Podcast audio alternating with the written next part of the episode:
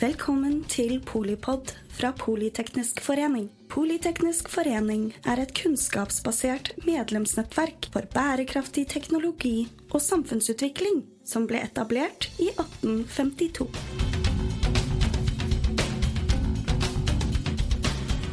Velkommen til denne Polipod-episoden der vi skal lære mer om hvordan Nato jobber sånn helt konkret. Og da har vi med oss Stian Jensen, som er Natos eh, stabssjef. Mannen som er tettest på generalsekretæren i Nato. Si meg, hvordan jobber dere helt sånn konkret for eh, fred, frihet, demokrati? Nei, først og fremst, Tusen takk for å være her. Det er hyggelig å være her. Um, og få anledning til å snakke litt om, uh, snakke litt om, uh, om Nato, det vi, det, det vi, driver med. Uh, altså vi er jo en organisasjon, en forsvarsallianse av 31 medlemsland. snart 32 når, når, Sverige kommer inn. Og det vi jo primært driver med, det er jo å sørge for at vi har ivaretatt de sikkerhetspolitiske interessene og forsvarsinteressene for våre medlemsland. Eh, og kjernen i Nato-samarbeidet er jo egentlig det vi kaller artikkel 5 i Atlanterhavstraktaten. Denne basisen eh, om at et angrep på én er et angrep på eh, alle. Det er det som er kjernen i Nato-samarbeidet, og det er det som har sørget for at Nato-allierte har Eh, bevart sin frihet og sikkerhet helt siden alliansen ble opprettet i, i 1949. Eh, vi har jo gått gjennom en del ulike faser. Altså, altså, Nato ble jo etablert etter, eh, etter andre verdenskrig. Egentlig med ett formål, og det var å forsvare Vest-Europa mot Sovjetunionen. Og så gjorde vi det til, til muren falt i, i, i 1989. Eh, og Nato gikk over i en ny fase som i veldig stor grad var preget av å drive operasjoner. Eh, forhindre etnisk rensning på Balkan. Vi var også involvert tett i operasjonen i Libya. Eh, bekjempe terror i, i, Afghanistan. Og så har Nato igjen endret seg fundamentalt de siste årene. Særlig da etter Russlands invasjon av, av, Ukraina, og egentlig begynnelsen av Ukraina-krigen i, i, i, 2014. Hvor vi på mange måter er litt tilbake til det vi opprinnelig drev med når alliansen ble, ble, ble formet i 1949. Det er USA og Europa det handler om USA og Europa. Det gjør det.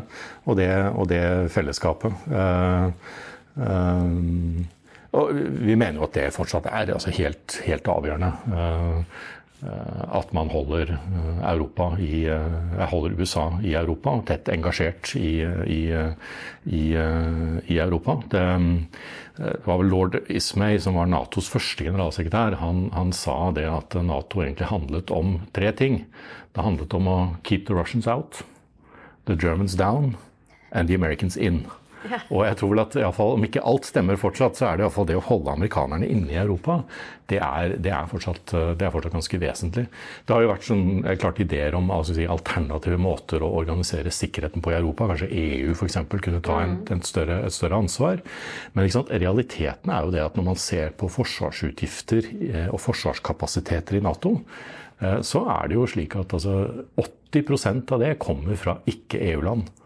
Eh, og det er selvfølgelig i USA, eh, men det handler også om Storbritannia, Canada, Tyrkia, Norge i og for seg. Slik at veldig mange av de kapasitetene vi trenger for å forsvare oss, de ligger utenfor EU-samarbeidet. Og så tror jeg også det er et geografisk aspekt ved det, at det er vanskelig å se for seg å forsvare Europa uten Storbritannia i vest, Tyrkia i sør, og i og for seg Norge i, i, i Eh, i nord. Slik at jeg tror vi er fortsatt helt avhengig av den transatlantiske forbindelsen eh, og det samarbeidet vi har i Nato for å sikre vår trygghet. På mange måter så er det blitt, eh, blitt viktigere enn det har vært på veldig veldig mange år med det som skjer i, i Ukraina og den utfordringen Russland representerer. Det skjer, ser vi jo tydeligere i nord også nå. Altså, etter krigen så var det jo kald krig for så vidt, og, og, men så var det en veldig oppløsningstid hvor vi var hvor nordområdene på en måte var eh, litt sånn grenseløse, da. Mm. Ja, altså jeg tror vi, vi, var så heldige skal vi si, tror jeg, etter slutten av den kalde krigen å oppleve det mange har kalt et sikkerhetspolitisk friminutt. Mm. Um, det var en periode der Nato utvidet, EU utvidet i Europa. Det var fred i Europa primært. Eh, demokratiet var på fremmarsj. Vi så globalisering og frihandel eh, globalt sett var på fremmarsj. Og, veldig mange av de utviklingstrekkene, de veldig mange positive utviklingstrekkene vi så på 90-tallet og i hvert fall et godt stykke ut på 2000-tallet, de er jo på mange måter i revers. Man ser større grad av proteksjonisme. Krigene blir ikke færre, de blir, de blir flere. Eh, og det er større grad av stormaktsrivalisering, ikke minst drevet av Kinas fremvekst og, og Russlands krigføring i, i, eh, i Ukraina. Og, og, det er klart at det må vi ta på alvor også i våre nærområder. Det påvirker oss. Um, uh, og ikke minst så har jo Norge en strategisk plassering i nordområdene. Uh, Nordområdene er et strategisk viktig område som, hvor russerne ikke minst har sterke interesser de har mye av sin kjernefysiske avskrekkingskapasitet på Kolahalvøya, som gjør at nordområdene er noe av det viktigste området for, for, russerne. Det gjør også at en mulig konflikt med Russland vil kunne spre seg til nordområdene ganske raskt i den forstand at Russland vil i enhver konfliktsituasjon, uavhengig om den er med Norge eller Nato eller andre, være opptatt av å trygge sin kjernefysiske avskrekkingskapasitet, som primært er lokalisert på Kolahalvøya. Og det betyr at enhver konflikt som involverer Russland, vil kunne spre seg til nordområdene ganske raskt. Slik at det er et strategisk viktig område for Russland. Det er også et område hvor Kina har vist økende interesse. Eh, og det er klart at ettersom nordområdene også åpner opp, og det er eh, sjøfartsveier osv., kortere vei til Kina, kortere vei med handel, spare penger, eh, så, så, blir også nordområdene stadig viktigere. Så det er klart at Norges posisjon er strategisk ganske viktig, og blir Således også blir også vår sikkerhet satt på prøve i den nye sikkerhetspolitiske konteksten vi befinner oss i.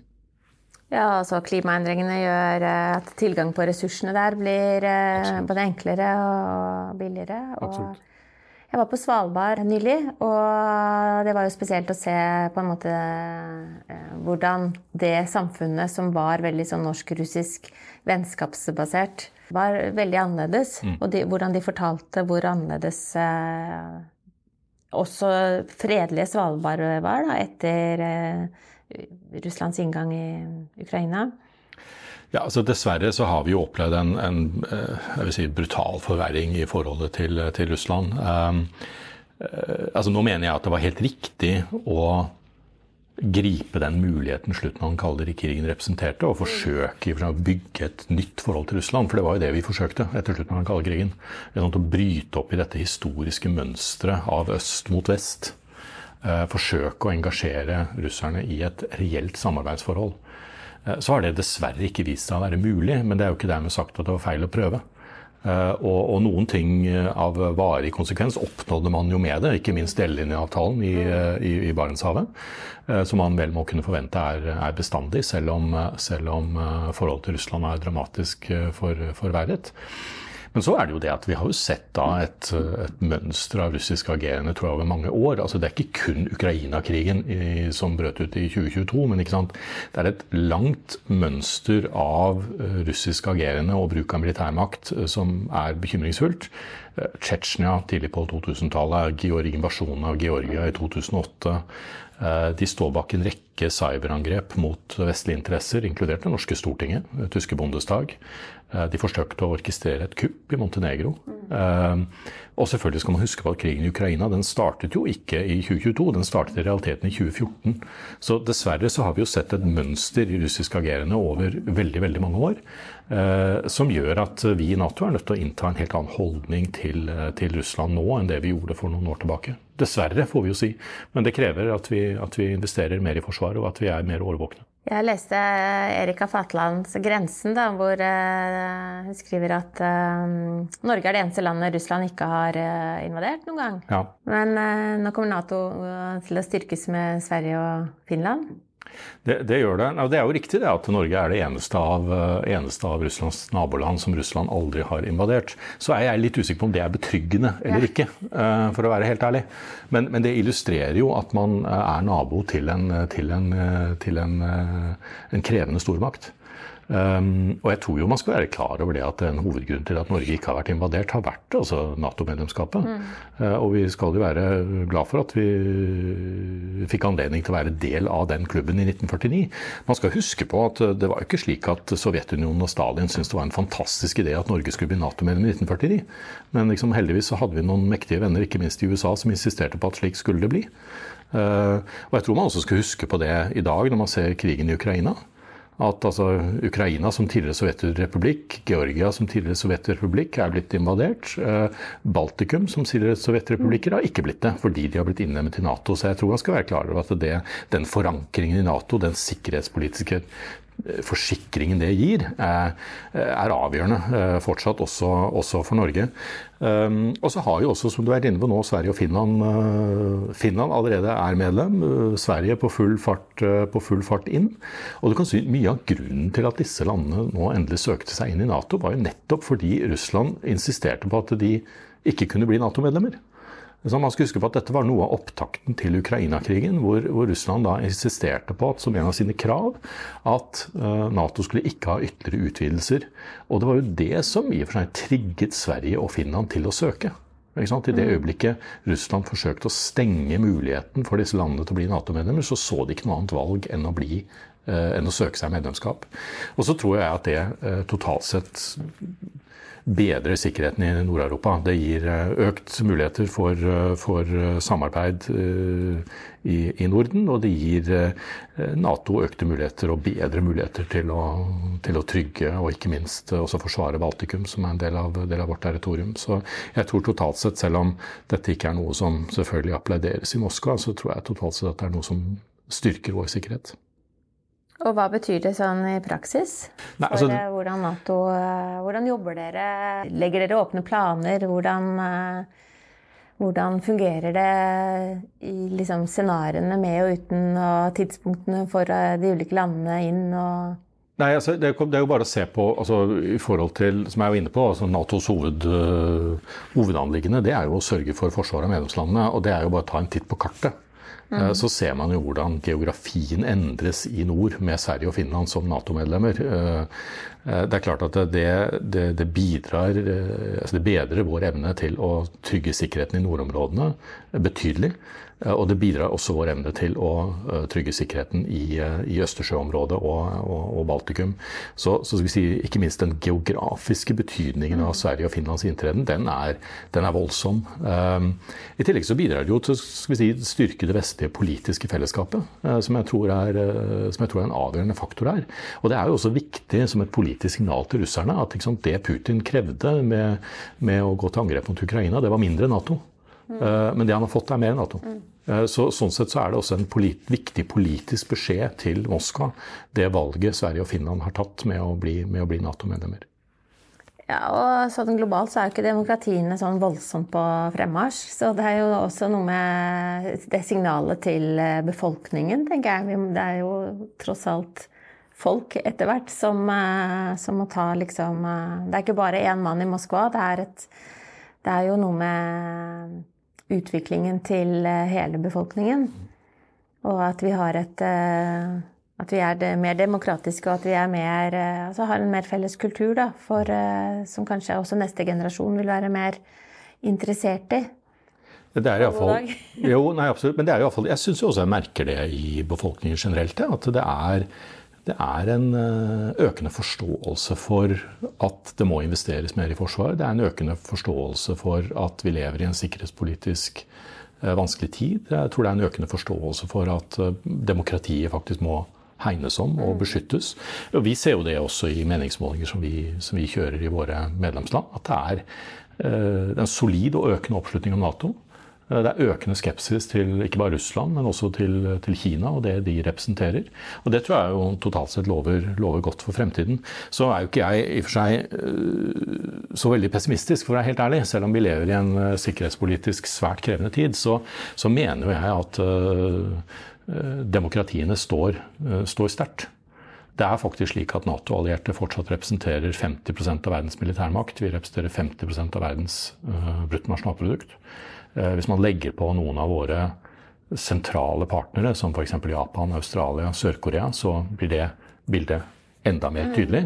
Så det er jo fortsatt slik at Vesten, om du vil, har en dominerende posisjon både militært, økonomisk og kulturelt.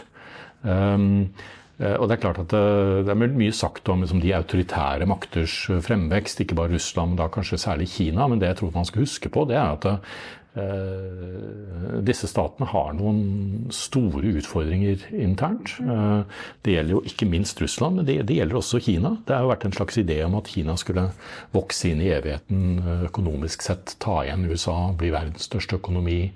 Uh, kanskje bli dobbelt så stor som USA. Jeg har ikke noe tro på at noe av det kommer til å skje.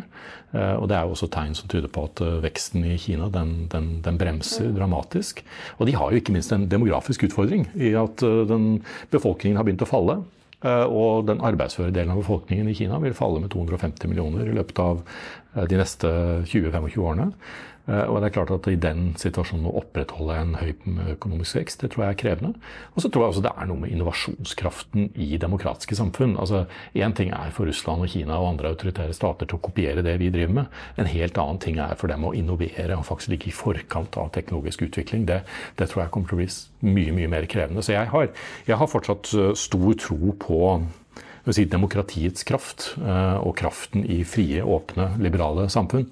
Eh, eh, og det tror jeg vi skal ta med oss. Det er herlig å høre. da. Du sitter jo tross alt relativt sentralt og ser også the dark side, så det, det smitter over på, på oss som får litt, litt ny glød for, for både året og, og, utviklingen. Men du, innovasjonskraft, teknologi hva tror du Hva betyr egentlig teknologi for eh, Nato? Eh, og kanskje spesielt eh, morsomt og interessant nå hva, hvordan vil kunstig intelligens kunne endre si, maktforholdene? Hmm. Altså det, det, er mye å si om det. Altså det jeg tror man skal ha med seg, det er jo at altså selvfølgelig, teknologi og teknologisk utvikling er jo helt avgjørende for Forsvaret. Eh, og eh, Nato og Nato-allierte har jo vært, og til dels fortsatt er, i den heldige situasjonen at man har ligget teknologisk i forkant. Eh, men jeg tror man skal ha med seg at dette teknologisk utvikling endres veldig. Altså klart Hvis man går tilbake noen tiår, så var jo mye av den teknologiske utviklingen bedrevet i Forsvaret. Mm og ble drevet av stater. Liksom ble drevet i offentlig sektor uh, i den forstand.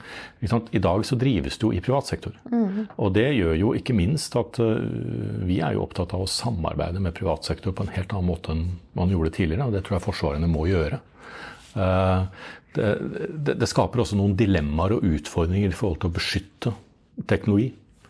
Eh, for det er klart at vi, vi, tror jo på markedets kraft. Vi tror jo på liksom den, den, frie tanke og det at ting skal deles. og Det er klart det, det i seg selv skaper teknologisk utvikling. Eh, men samtidig så må man jo være observant på at man, noe av dette må man beskytte. Eh, fordi at teknologi som vi eksporterer, i neste omgang kan altså benyttes, benyttes, mot oss. Eh, så det skaper noen dilemmaer der i forhold til, i forhold til å, å, beskytte det. Jeg tror jo også at teknologisk utvikling skaper noen dilemmaer, i forhold til, særlig når man snakker om applikasjon til forsvarsindustri. Så er det klart at dette med kunstig intelligens, robotics, big data osv. Det, skal, det skal beskyttes og, og, og passes på og, og brukes på en Eh, en, en, fornuftig måte. Eh, og Det er klart at det, eh, det, er jo slik at alle våpen har vært gjenstand og er gjenstand for en eller annen form for kontrollmekanismer og rustningskontroll. Men det er klart at når det gjelder disse nye teknologiene, så har vi jo ikke det. Ikke vi har ikke eh, noen enighet internasjonalt på et skal vi si, moralsk veikart på hvordan en del av denne teknologien skal Eh, benyttes i forsvarssammenheng og ikke. Og det, det, er klart at det, det, vil være viktig for oss å, å, ligge i forkant på den utviklingen, og også sørge for at de ikke får en applikasjon som er altså, eh, si noe, rent umoralsk og farlig for fremtiden. Det gjelder jo sivil sektor òg. Vi har, jo, vi har ikke en eh, vi, vi vil ikke kunne være i forkant. Vi må vi, i forhold til å sette regler og, og krav til uh, gunstig og ugunstig kunstig intelligens. Mm. Og håpet er at vi som et opplyst uh, samfunn da, uh, klarer å, å, bruke det mer positivt enn en, negativt. Mm. Men vil det være Er det så omfattende Eller er mulighetene for at det setter alt på hodet til stede, på en måte at en annen kan en hvilken som helst liten makt bli eh, regjerende fordi man har det beste kunstige forsvaret? Nei, jeg tror ikke nødvendigvis det. Eh, det er klart at eh, dette med kunstig intelligens kommer til å påvirke forsvarssektoren og kommer til å påvirke i for seg hele, hele samfunnssektoren eh, dypt og inngripende. Men, men, jeg tror ikke nødvendigvis at det setter, det setter, det setter alt på hodet. Men jeg tror jo også at det, det, det fordrer jo også at vi som altså den enkelte borger også skal vi si, vurderer informasjon som man mottar kritisk. Det er jo en av de tingene som vi nå ser. At eh, med, eh, med bruk av i for seg sosiale medier i kombinasjon med, med, med, kunstig intelligens, at man forsøker at enkelte makter forsøker å for påvirke valg. Uh, vi ser jo også at uh, Russland og Kina, særlig også Iran, driver storstilte informasjonskampanjer mot våre samfunn. Så jeg tror at det å liksom ha en eh, si noe, godt opplyst befolkning med et kritisk blikk på det man ser og leser, det vil være utrolig viktig. Altså rett og slett for å, for å sørge for at man uh, får reell informasjon, og ikke nødvendigvis tror på alt man ser og hører. Men man tror på Polipod, da? Er... Polipod må man selvfølgelig tro på. ikke sant? Det er bra. Du, hvis du eh, var student, hva ville du lest? Vi har et veldig oppegående studentnettverk her, og de, jo, eh, de, skal jo sikre fred, frihet og demokrati fremover. Så um, har du et godt råd til dem? Nei, altså jeg vet ikke. Jeg har aldri selv hatt noen sånn veldig Skal vi si for noe plan for karriere eller studievalg i den forstand. Jeg har jo studert internasjonal politikk. Jeg er litt usikker på om mine foreldre, da jeg valgte det, syntes at det var det mest fornuftige i forhold til å få seg en sikker jobb i fremtiden. Men eh, for min egen del så har det jo i hvert fall fungert sånn tålelig greit å følge egne interesser og hoppe på de mulighetene som kommer. Det henger sammen med det du sier om, eh, om et opplyst samfunn og, og, et fritt demokrati. At man eh, også som ungdom og student kan få følge sine interesser. Og sånn sett eh, Det er en del av det å ivareta også freden. For, eh, for, oss alle. Vi er helt avhengig av å ha en opplyst, kritisk tenkende befolkning, en fri presse og et fritt ordskifte. Det er, tror jeg er helt avgjørende for å bevare demokratiet i, i fremtiden. Tusen takk eh, til deg, Stian. Jeg vil si dobbelt takk, både for å være med i podkasten fra Politeknisk forening som Natos eh, stabssjef. Eh, men jeg vil også si en ekstra takk for du faktisk eh, vier eh, deg og, og, med dine kollegaer til et så viktig samfunnsoppdrag som å ivareta både demokratiet og freden for oss eh, alle. Tusen hjertelig takk. Hyggelig å være her. Takk til deg som hører på Polipod når og hvor du vil. Jeg er Mette Vågnes Eriksen, er generalsekretær her i Politeknisk forening. Takk for at du lyttet til Polipod fra Politeknisk forening. Få med deg flere episoder, eller bli med på nettverksmøtene, som du finner ved å søke at polyteknisk, eller gå på vår hjemmeside polyteknisk.no.